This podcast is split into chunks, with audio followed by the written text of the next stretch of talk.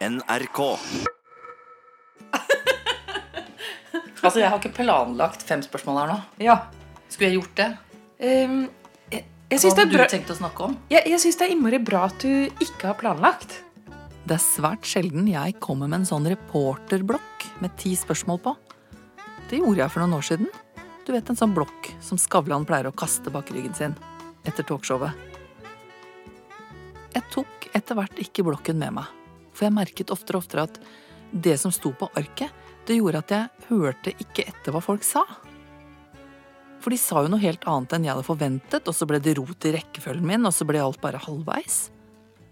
Jeg tenkte en gang, som blokken falt på gulvet midt inn i et intervju, så tenkte jeg å, blås i det, jeg får bare høre etter og se hva som skjer nå.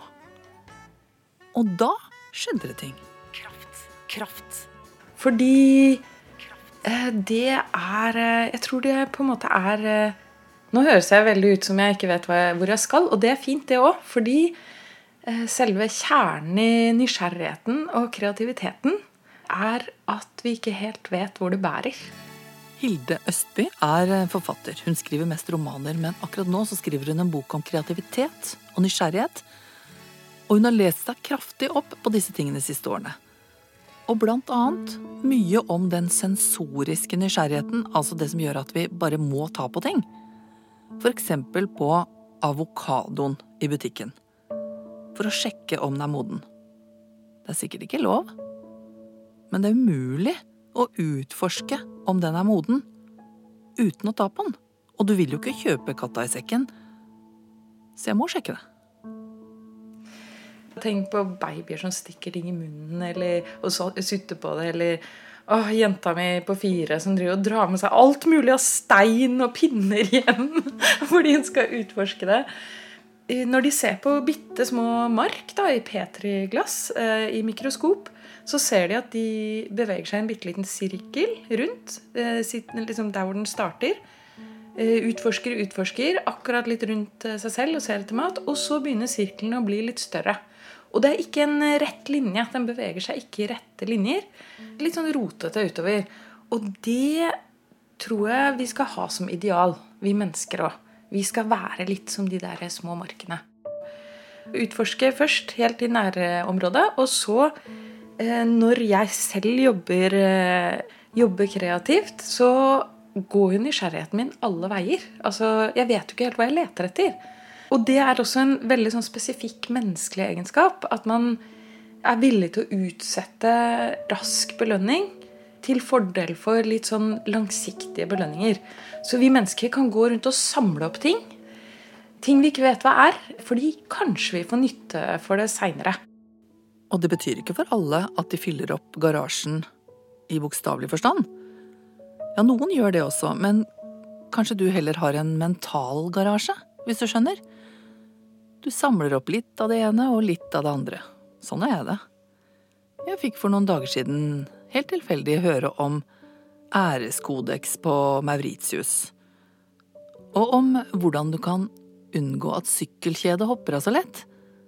Og så leste jeg noe greier om hva som er den vanligste grunnen til at kvinner ikke får orgasme. Og på en plakat så sto det noe om at det faktisk er ganske forskjell på kvaliteten på kokosmelk. Og du, du kjenner sikkert det der eventyret med Askeladden eh, som skal målbinde prinsessa. Eh, jeg har lyst til å kalle min metode for eh, Askeladden-metoden. Fordi det er veldig sånn Askeladden bare går og samler opp veldig mye sånn skrap og skrot. Eh, en blei, en død skjære osv. Og, og brødrene hans er veldig sånn målstyrte. De, de har en plan. De syns Askeladden er dum. Eh, Han bruker lang tid på veien og plukker opp en blei her og en blei der og sånn.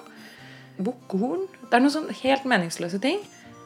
Det er på en måte bildet på en kreativ prosess. Eh, Og den type nysgjerrighet da, som ikke retter seg mot å bli stimulert med en gang, eller ha løsningen med en gang, det er kanskje det lureste vi kan gjøre.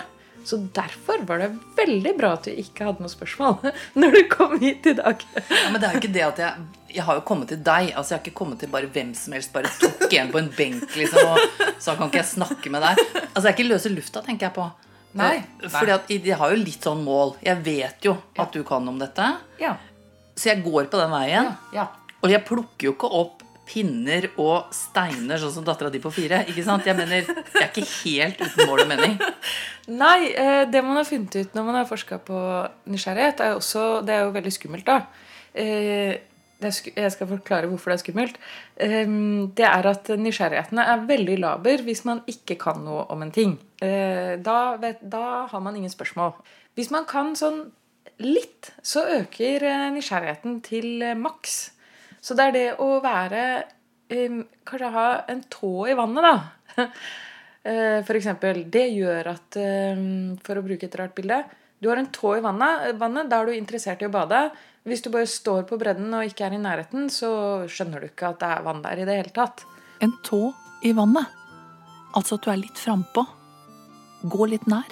Er villig til å ta av deg den ene sokken og teste vanntemperaturen. Sensorisk nysgjerrighet. Rett og Men du, når du sier undrende, da betyr det at man kan ikke være skråsikker hvis man skal være nysgjerrig. Ja.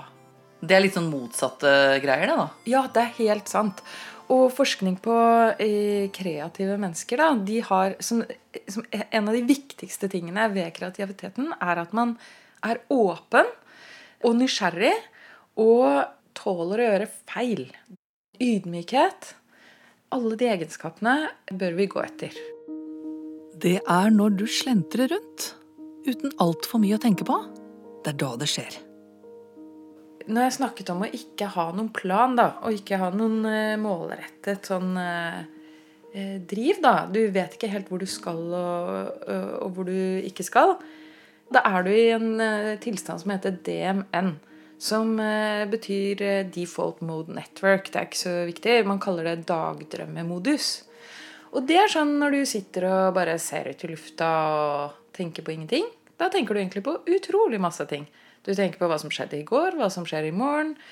Eh, en del mindfulness er jo opptatt av å komme inn i øyeblikket og bli der. Og grunnen til at det er veldig vanskelig, er at hjernen vår vil ikke det. Den vil eh, hoppe rundt. Planlegge noe i fremtiden, tenke på noe fra i går. Eh, vi er ikke så mye i øyeblikket egentlig som vi liker å tro. 60% av hjernekapasiteten vår går med til å bare henge rundt sånn. Og hvorfor det? Det er fordi det er da man setter sammen nye ideer. Det er der det skjer. De, de liksom overraskende koblingene. Fordi du er ikke nysgjerrig hvis du er i krisemodus. ikke sant? Altså Hvis du blir angrepet av en løve, eh, så går du over i det som heter sympatikus, som er stressmodus. En hel haug med brytere slås på. da. Du får mye mer adrenalin, mye mer kortisol. Setter immunforsvaret på vent. Fordøyelsen din blir helt annerledes. Eh, Du er klar for å flykte fra løven, egentlig. Så du har ikke noe sånn Du har ikke overskudd til å eh, være kreativ eller nysgjerrig eller noe som helst.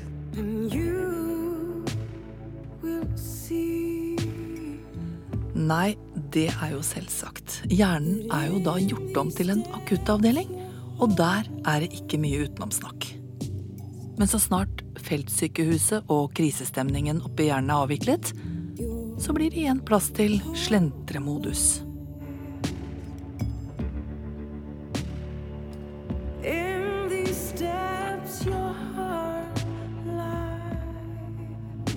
Og det er et modus de fleste av oss syns det er behagelig å være i. Da begynner de tilfeldige tankene og ideene å komme fram igjen. Omtrent som små såpebobler som utvider seg. Spiller i forskjellige farger i sollyset. Og så så sprekker de.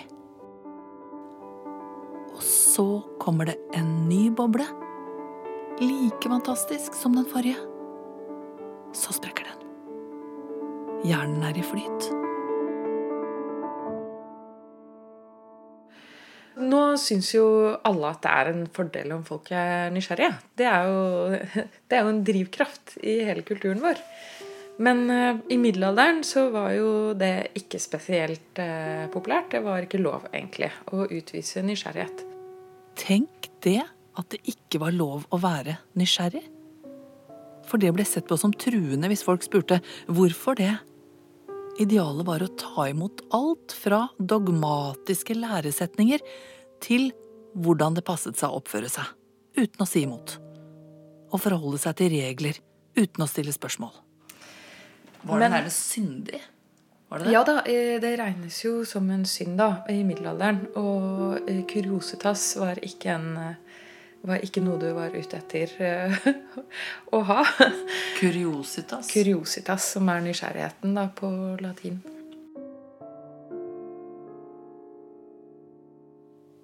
Kuriositas. Alle totalitære religiøse regimer vil jo hate nysgjerrighet.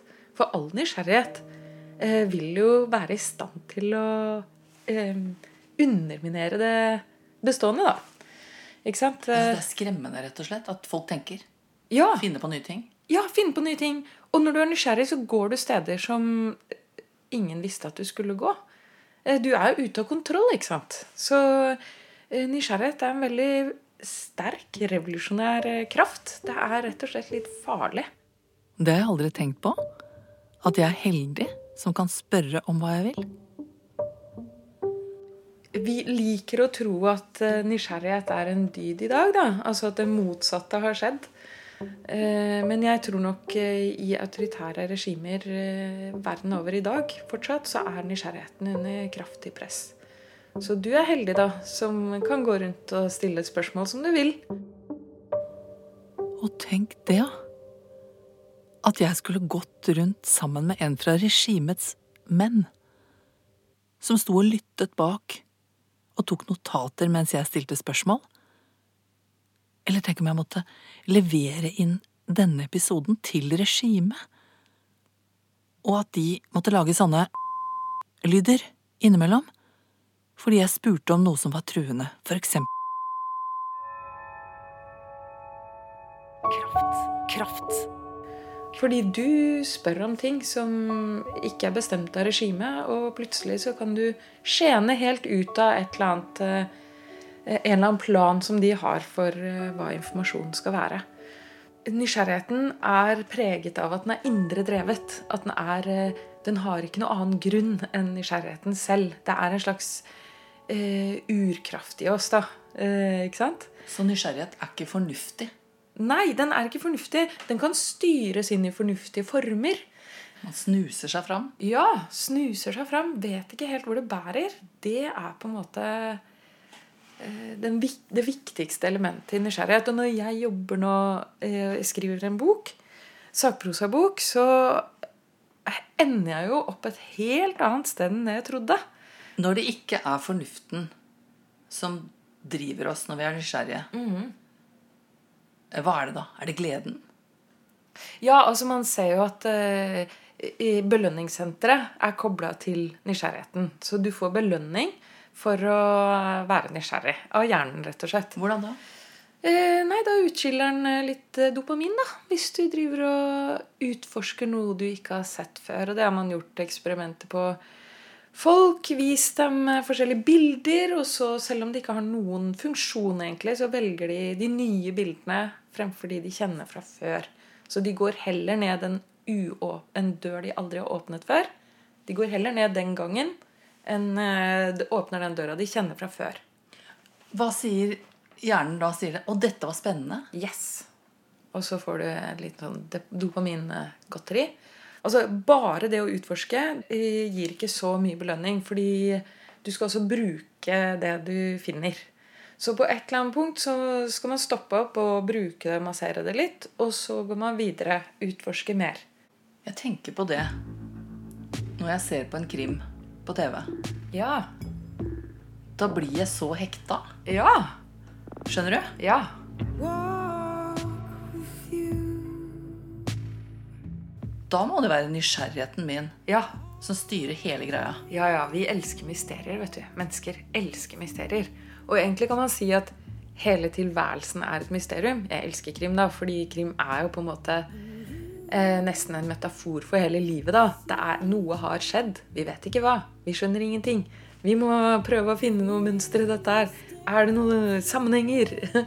Det er det vi driver med hele tiden. Men det blir bare veldig tydelig i en krim, da.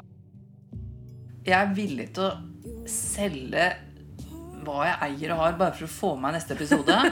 For jeg må vite hvordan det går. Ja, det er sant.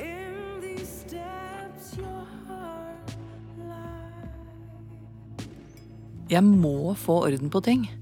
De som har laga krimmen, de har rota til så godt de kan, og jeg må få rydda det opp.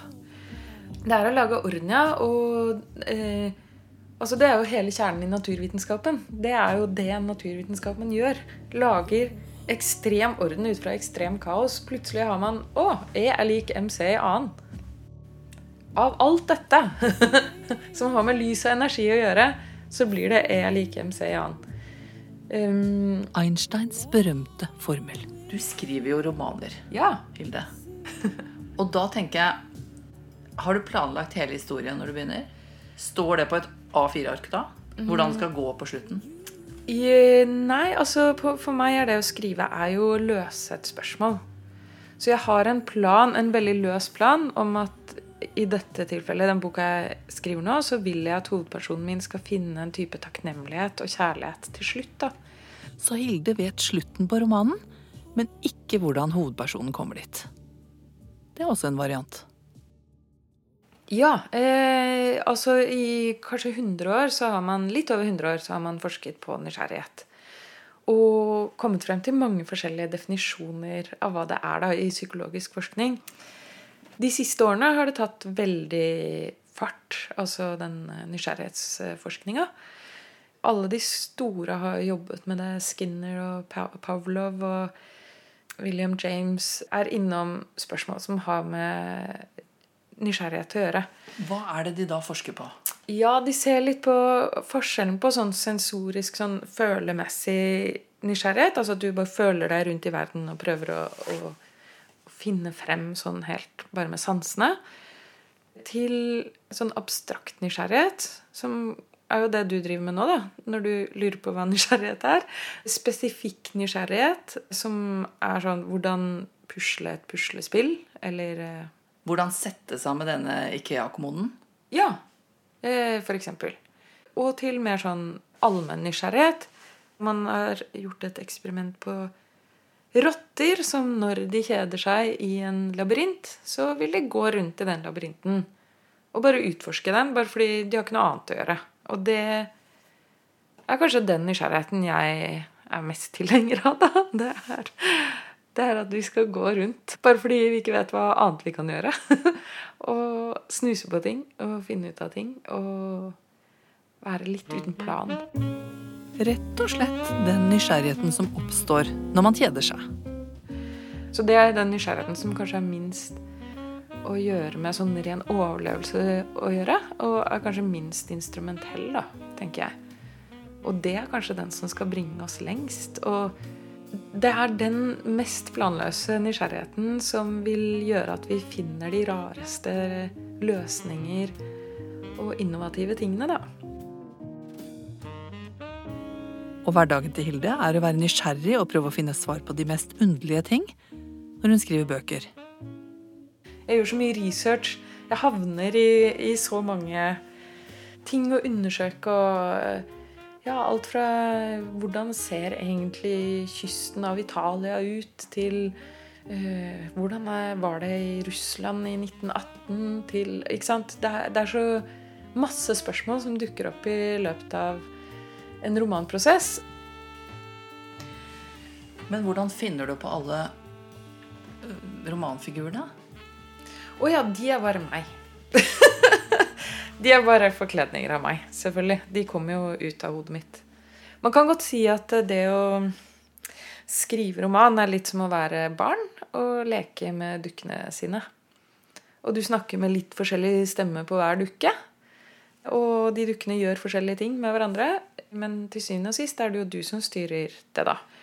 Men først og fremst er det en sånn emosjonell driv til å finne ut hva er det egentlig å være menneske. Nå snakker vi om den der pene og pyntelige nysgjerrigheten som fører til at man skriver doktorgrader og øh, har plantet eksotiske frukter i hagen og alt det der greiene der som blir sånne fine ting. Men så tenker jeg på, før jeg slo på den mikrofonen, så spiste vi suppe ved dette bordet. Ja. Og så begynte vi å snakke litt grann slarv og ting. Ja. Skjønner du? Da var det ganske trøkk på samtalen. og da tenker jeg Det er jo også veldig nysgjerrighet. ja da, det er det. Kjenner du hun som ikke sant, alt det der, og har hørt at det, Der er det mye trøkk, egentlig. Det er jo nysgjerrig. Ja, ja, ja, absolutt. Men jeg tenker at det er jo veldig knytta til at vi mennesker er eh, flokkdyr. Til og med hjerneforskerne begynner å snakke om at de nå er interessert i å se på hvordan hjernene samhandler. Hvordan vi kobler oss på hverandre. Hvordan hjernesignalene Jeg snakket med en forsker i London, og hun måler hvordan vi hjernebølgene våre blir synkronisert hvis man sitter og ser inn i øynene på hverandre. Sånn som vi gjør nå. Ja, og hvis man er gode venner, så synkroniserer hjernebølgene fortere. Og vi er så opptatt av hverandre at sladder det er dødsviktig for oss. da.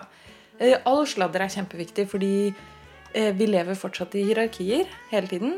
Eh, og sladderen forteller oss hvem som beveger seg rundt i de hierarkiene. Hvem som er øverst og nederst, og hvem som har flyttet seg rundt i posisjoneringene. Så sladder er en slags overlevelsesmekanisme. Ja, nettopp. Så ble det altså noe bra med det også.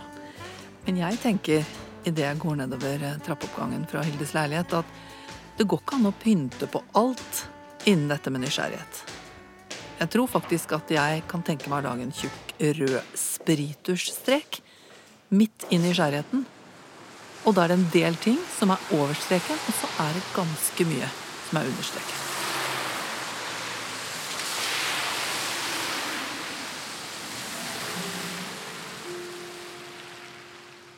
Og hvis du laster ned neste lille bonusepisode nå om litt, så skal du få et eksempel på det.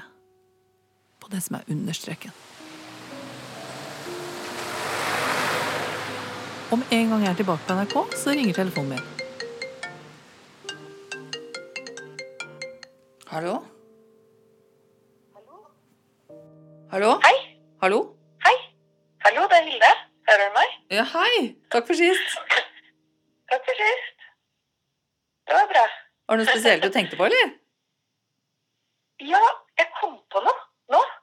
Ehm, jeg kom på at ca. 1600 så malte Carabaccio et bilde av Thomas Tvileren. Og det er på en måte et slags sånn vendepunkt i eh, nysgjerrighetens historie. For du vet, Thomas Tvileren det er han som sier eh, 'Jeg tror ikke noe på det før jeg ser det sjøl'. Mener du det Ja. som står i Bibelen om Thomas Tvileren? Ja, det er fra Bibelen. Det er Thomas som sier 'jeg tror ikke noe på det før jeg ser det selv', at Jesus har stått opp. Eh, og han vil stikke fingrene inn i såret i siden. Og Caravaggio maler eh, det motivet som veldig, veldig realistisk. Eh, vanligvis er det jo eh, poengtert som noe eh, litt dårligere tro. At du må ta på noe før du tror på det. Du må se det med egne øyne. For Jesus sier jo 'salige er de som eh, tror på meg uten å ha sett eh, sårene mine'. Men dette er et skifte i nysgjerrighetens historie. Det var bare det. Jeg kom på det. Eh, og at man må ta på det sjøl. Og se det selv, og undersøke det selv, sånn som Thomas.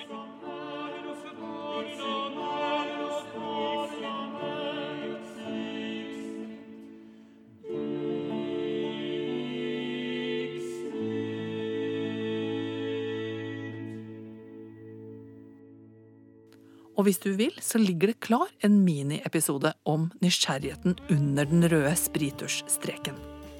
Den nysgjerrigheten vi burde plukke av oss. Kraft. Kraft. Lyddesigner for denne kraftepisoden er Merete Antonsen. Konsulenter er Åse Lundan og Hegedal. Og mitt navn er Kirsti. Kraft.